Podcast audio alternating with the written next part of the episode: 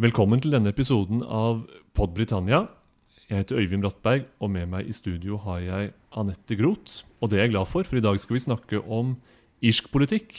Eh, vi beveger oss over eh, Irskesjøen til aktuell politikk på den grønne øya, for der ble det nylig holdt valg. Og det valget er ganske så eh, det, det, har stor sprengkraft. Og for å forstå hva det dreier seg om, så er vi nødt til å ha med oss noe irsk forståelse, og ikke minst irsk historie. No, no, no. What we are asking is for a very large amount of our own money back. The choice is in your hands. We've had a meaningful vote. We had it in the referendum on 2016.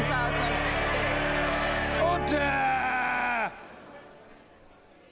Anette, hva var det som skjedde sist lørdag da irene gikk til valgurnene? Det var nesten en revolusjon. Fordi at eh, partiet Sinn Fein, som jo har vært kjent eh, gjennom konflikten i Nord-Irland, men som etter hvert har etablert seg også sør for grensen på den irske øya, de fikk altså en fjerdedel av stemmene. Nå er det et veldig komplisert uh, stemmesystem her, med førstepreferanse og annenpreferanse og sånn. Men de ble sannsynligvis største parti, iallfall like stort som eh, de to andre, og til dels større. Og det er klart at Sinn Fein har vært et lite parti sør i Irland. Altså Det er ikke lenge siden de bare fikk 11 av stemmene, og så dobler de på 0,0. Det er en politisk sensasjon. Det er jo et uh, besynderlig uh, partisystem også man, man, de holder seg med i Irland. Og, og, umulig å forstå hvis man ikke har uh, et, et, grunnkurs i irsk historie. Det grunnkurset kan kanskje ikke tilbys her, men de to virkelig store og dominerende partiene har begge sitt opphav i frigjøringen fra britene og den påfølgende korte borgerkrigen for ganske nøyaktig 100 år siden. Ja, Det er jo to partier som har skiftet om å ha makten. Det ene heter Fianna Foyle, og det andre heter Fine Gale. Og de er begge rare er jo at de er ganske like. Det er sentrums-høyrepartier. Noen vil kanskje si at Fianna Foyle er litt mer konservative, men det er ikke rare marginene. Men disse to partiene har altså skiftet på å ha makten i Irland, noen ganger i eh, koalisjon med alle. Og som du sier, de har sitt utspring i det faktum at uh, Irland var kolonisert av Storbritannia i flere hundre år. Og det samme utspringet har jo også Sinn Fein, um, som nå altså har gjort et sensasjonelt godt valg.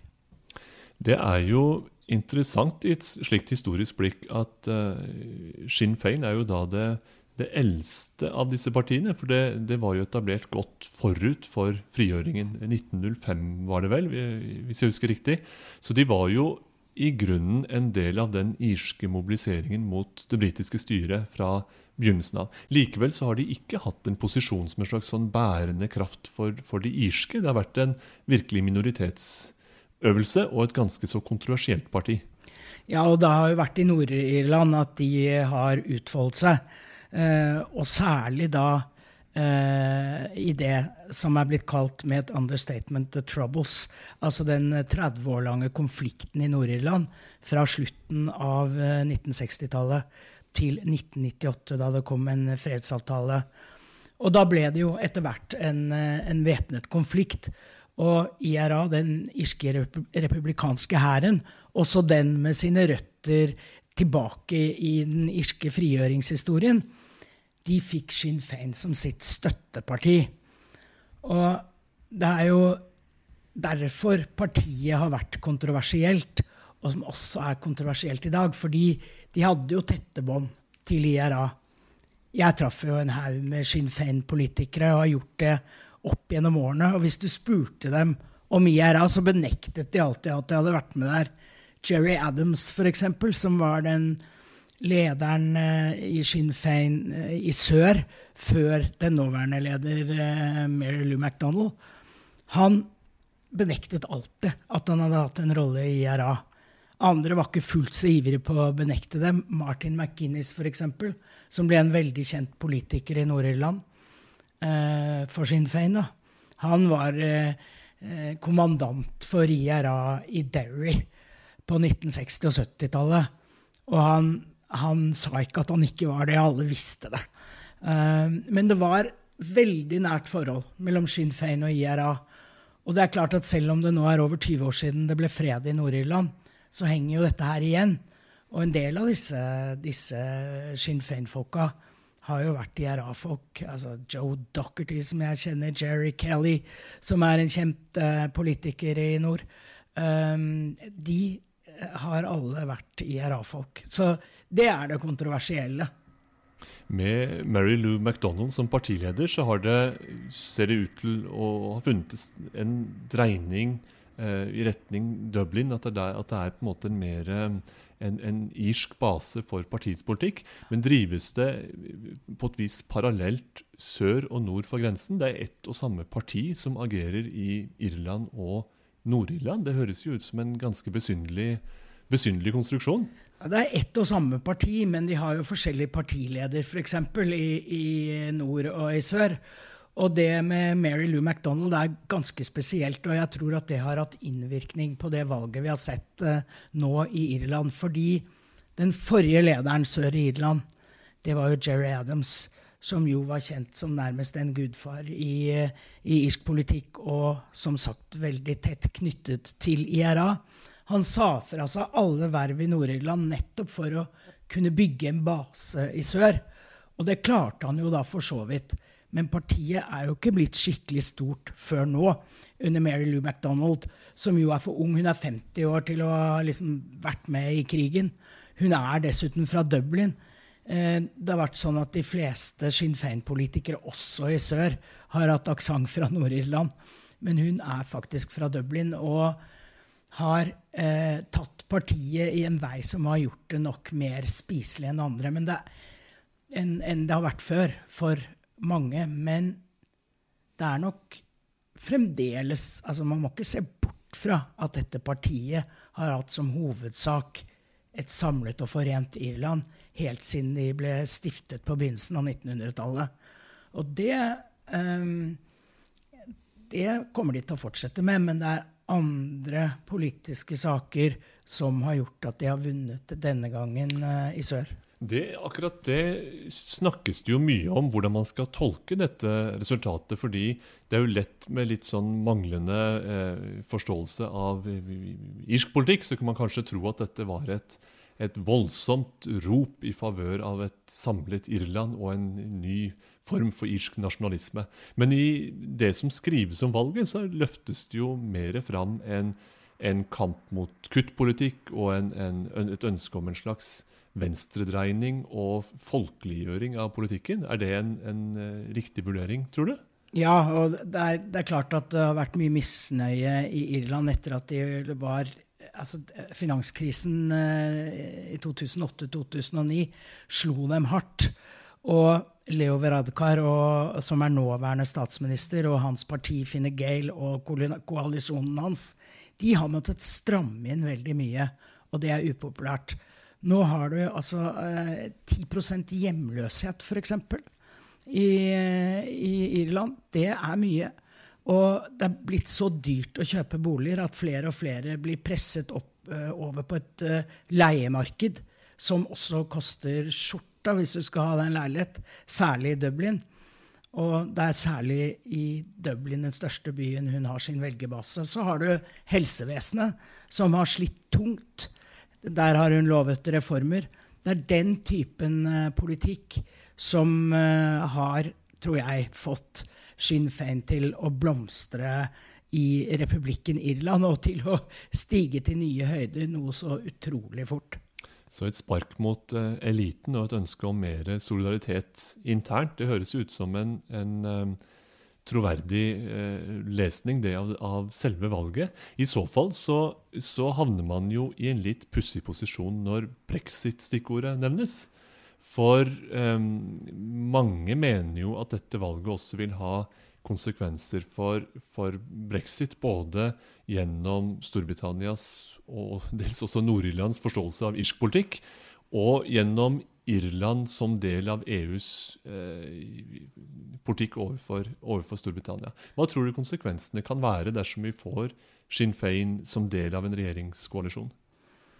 Jeg tror det sitter langt inne å få dem inn der, men eh, fordi begge de to store partiene har sagt at eh, de vil ikke ha noe med dem å gjøre. Men eh, Fine Gael, nei, Fianna Foyle har jo åpnet opp litt, da. Men her kommer jo dette Forent Irland-spørsmålet inn igjen. For det er klart at det er blitt reist mye oftere etter at brexit var et faktum. Og i Nord-Irland så har det nå, hvor det før har vært motstand mot et forent Irland, så er det nå omtrent 50-50. Og demografien er sånn at flere og flere etter hvert eh, ser ut til å ville stemme for et forent Irland. For i fredsavtalen for Nord-Irland, langfredagsavtalen av 1998, der står det at hvis befolkningen nord og sør på øya vil ha et forent Irland, så er det ingenting i grunnloven i de to landene, Storbritannia og Irland, som skal hindre det. Sånn at da må man holde folkeavstemninger, og så må man se hvor det ender. Um, det står i langfredagsavtalen, så det er realistisk. Og Sinn Fein presser jo på nå for å få dette til. Nå skal det sies at jeg tror dette er en veldig lang prosess, fordi det er den britiske provinsen Nord-Irland har ganske forskjellige regler enn som del republikken Irland har. Sånn at eh, jeg tror nok det kan bli en lang prosess. Men det er interessant. Jeg er mye spesielt i Nord-Irland, men også i sør. Um, og det var vel et årstid siden, eller kanskje litt mindre, at en fyr jeg kjenner i uh, Derry, uh, vest i Nord-Irland, Rory O'Hara, han er han er eh, ikke noe spesielt sånn radikal uh, Forent Irland-fyr. Men han sa til meg 'mind my words'. Om kort tid, innen fem år, sa han for et års tid siden, så har vi et Forent Irland. Og så sa jeg 'hør her'. Det har vi ikke. Det er for kort tid. Ok, da, sa han. Men det kommer, det kommer, det kommer. Og så tenkte Dagen etter så var jeg på en middag i Belfast. Uh, og hadde en uh, nordirsk forretningsmann til bords. En shippingmann. Han var protestant, og de har jo vært veldig imot å forenes med Irland, de protestantiske unionistene der. Men han sa det samme. At det kommer, det kommer til å skje. Og jeg har alltid sagt at det kommer ikke til å skje i min levetid, men uh, nå er jeg ikke så gammel, så nå, nå, begynner jeg å tro at det kanskje til og med kan skje i, i min levetid. Men uh, Sinn Feins uh, brakseier i, uh, i, Irland er jo et tegn på at tiden kan være mer moden. Her er det jo virkelig en sammenfletting av forskjellige begivenheter. Brexit som en, en uh, drivkraft. Uh, Sinn Feins økende oppslutning som bare delvis har med deres gamle programfestede mål å gjøre. Men likevel kan det føre til at en felles irsk nasjonalisme får for ny uh, vind i seilene. Dette her er jo også så tett forbundet med hva Boris Johnson og Storbritannia faktisk gjør ut av sin avtale med, med EU. For det er jo unektelig slik at jo mer frakoblet eh, EU Storbritannia ender med å bli, jo vanskeligere vil relasjonen være mellom den britiske provinsen Nord-Irland og, og, resten av, av, Storbritannia, gitt at man vil få en slags eh, barriere i, i Irskesjøen som gjør at Nord-Irland vel så gjerne kan ses sammen med Irland som en økonomisk enhet, snarere enn å ses sammen med, med, med Storbritannia. Jo, og da, du har jo denne grensen, som jo i dag er helt åpen. Du vet ikke hvilket land du er i før du ser eh, skiltene at det er på to språk i republikken, og ser at det er miles i, i Nord-Irland. Og den, den, skal for enhver pris holdes åpen. og Derfor har dette merkelige med tollgrense i Irskesjøen kommet opp. Det er ingen som helt vet hvordan de skal gjøre det. Og så har altså Boris Johnson måttet ta bort Nord-Irland fra noen av reglene som gjelder i resten av Storbritannia. Fordi de er så integrert med republikken, f.eks. i landbrukspolitikken hvor de sender lammene sine fra nord til sør uh, for å foredle dem der, og så sender de griser oppover. og Du har masse for, samarbeid over den grensen. Det gjelder sykehus, det gjelder skoler, det gjelder forskjellige andre områder. Så det er klart at det vil være veldig uheldig, for å si det mildt, om det skulle komme grensesperringer der. Um, så derfor har de da prøvd å gjøre noe med det, men i Nord-Irland er de jo veldig misfornøyde. I alle, med fall, ja. I alle fall på den siden, den protestantiske siden, som en lang tid eh, støttet opp om og sikret overlevelsen til en konservativ regjering i London. Ja, og de føler seg jo ekstra sviktet nå, for Boris Johnson lovet dem jo at de ikke skulle havne i noen særstilling. Eh, særstilling med minusfortegn for dem, da. Eh, men det har de jo. Og det er eh, ganske stort sinne blant uni- unionistene i Nord-Irland. Men når det er sagt, da, så er det en slags Det blir snakket så mye om et forent Irland nå. Og som han forretningsmannen jeg snakket med i Belfast, Money Talks, sa han til meg Hvis det vil lønne seg for oss å være samlet med Irland, hvis, hvis vi taper så mye penger ved å være en britisk eh, provins eh, på denne øya, så kan du se for, seg, for, for deg at eh, folk vil, eh, vil stemme for et forent Irland. Men det er klart det vil alltid være et stort mindretall der, sikkert, som vil være misfornøyd med det av ideologiske og politiske grunner. Men det er altså ikke en umulighet lenger.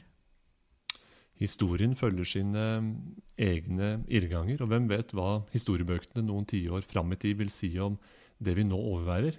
Vi har i alle fall kommet ett steg videre i å forstå Sinn Feins eh, meget oppløftende for sin egen del valgresultat og endringene som er på gang i irsk politikk.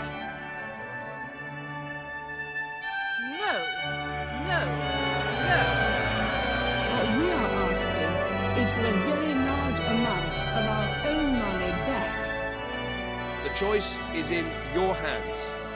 We've had a meaningful vote. We had it in the referendum on 2016. Order!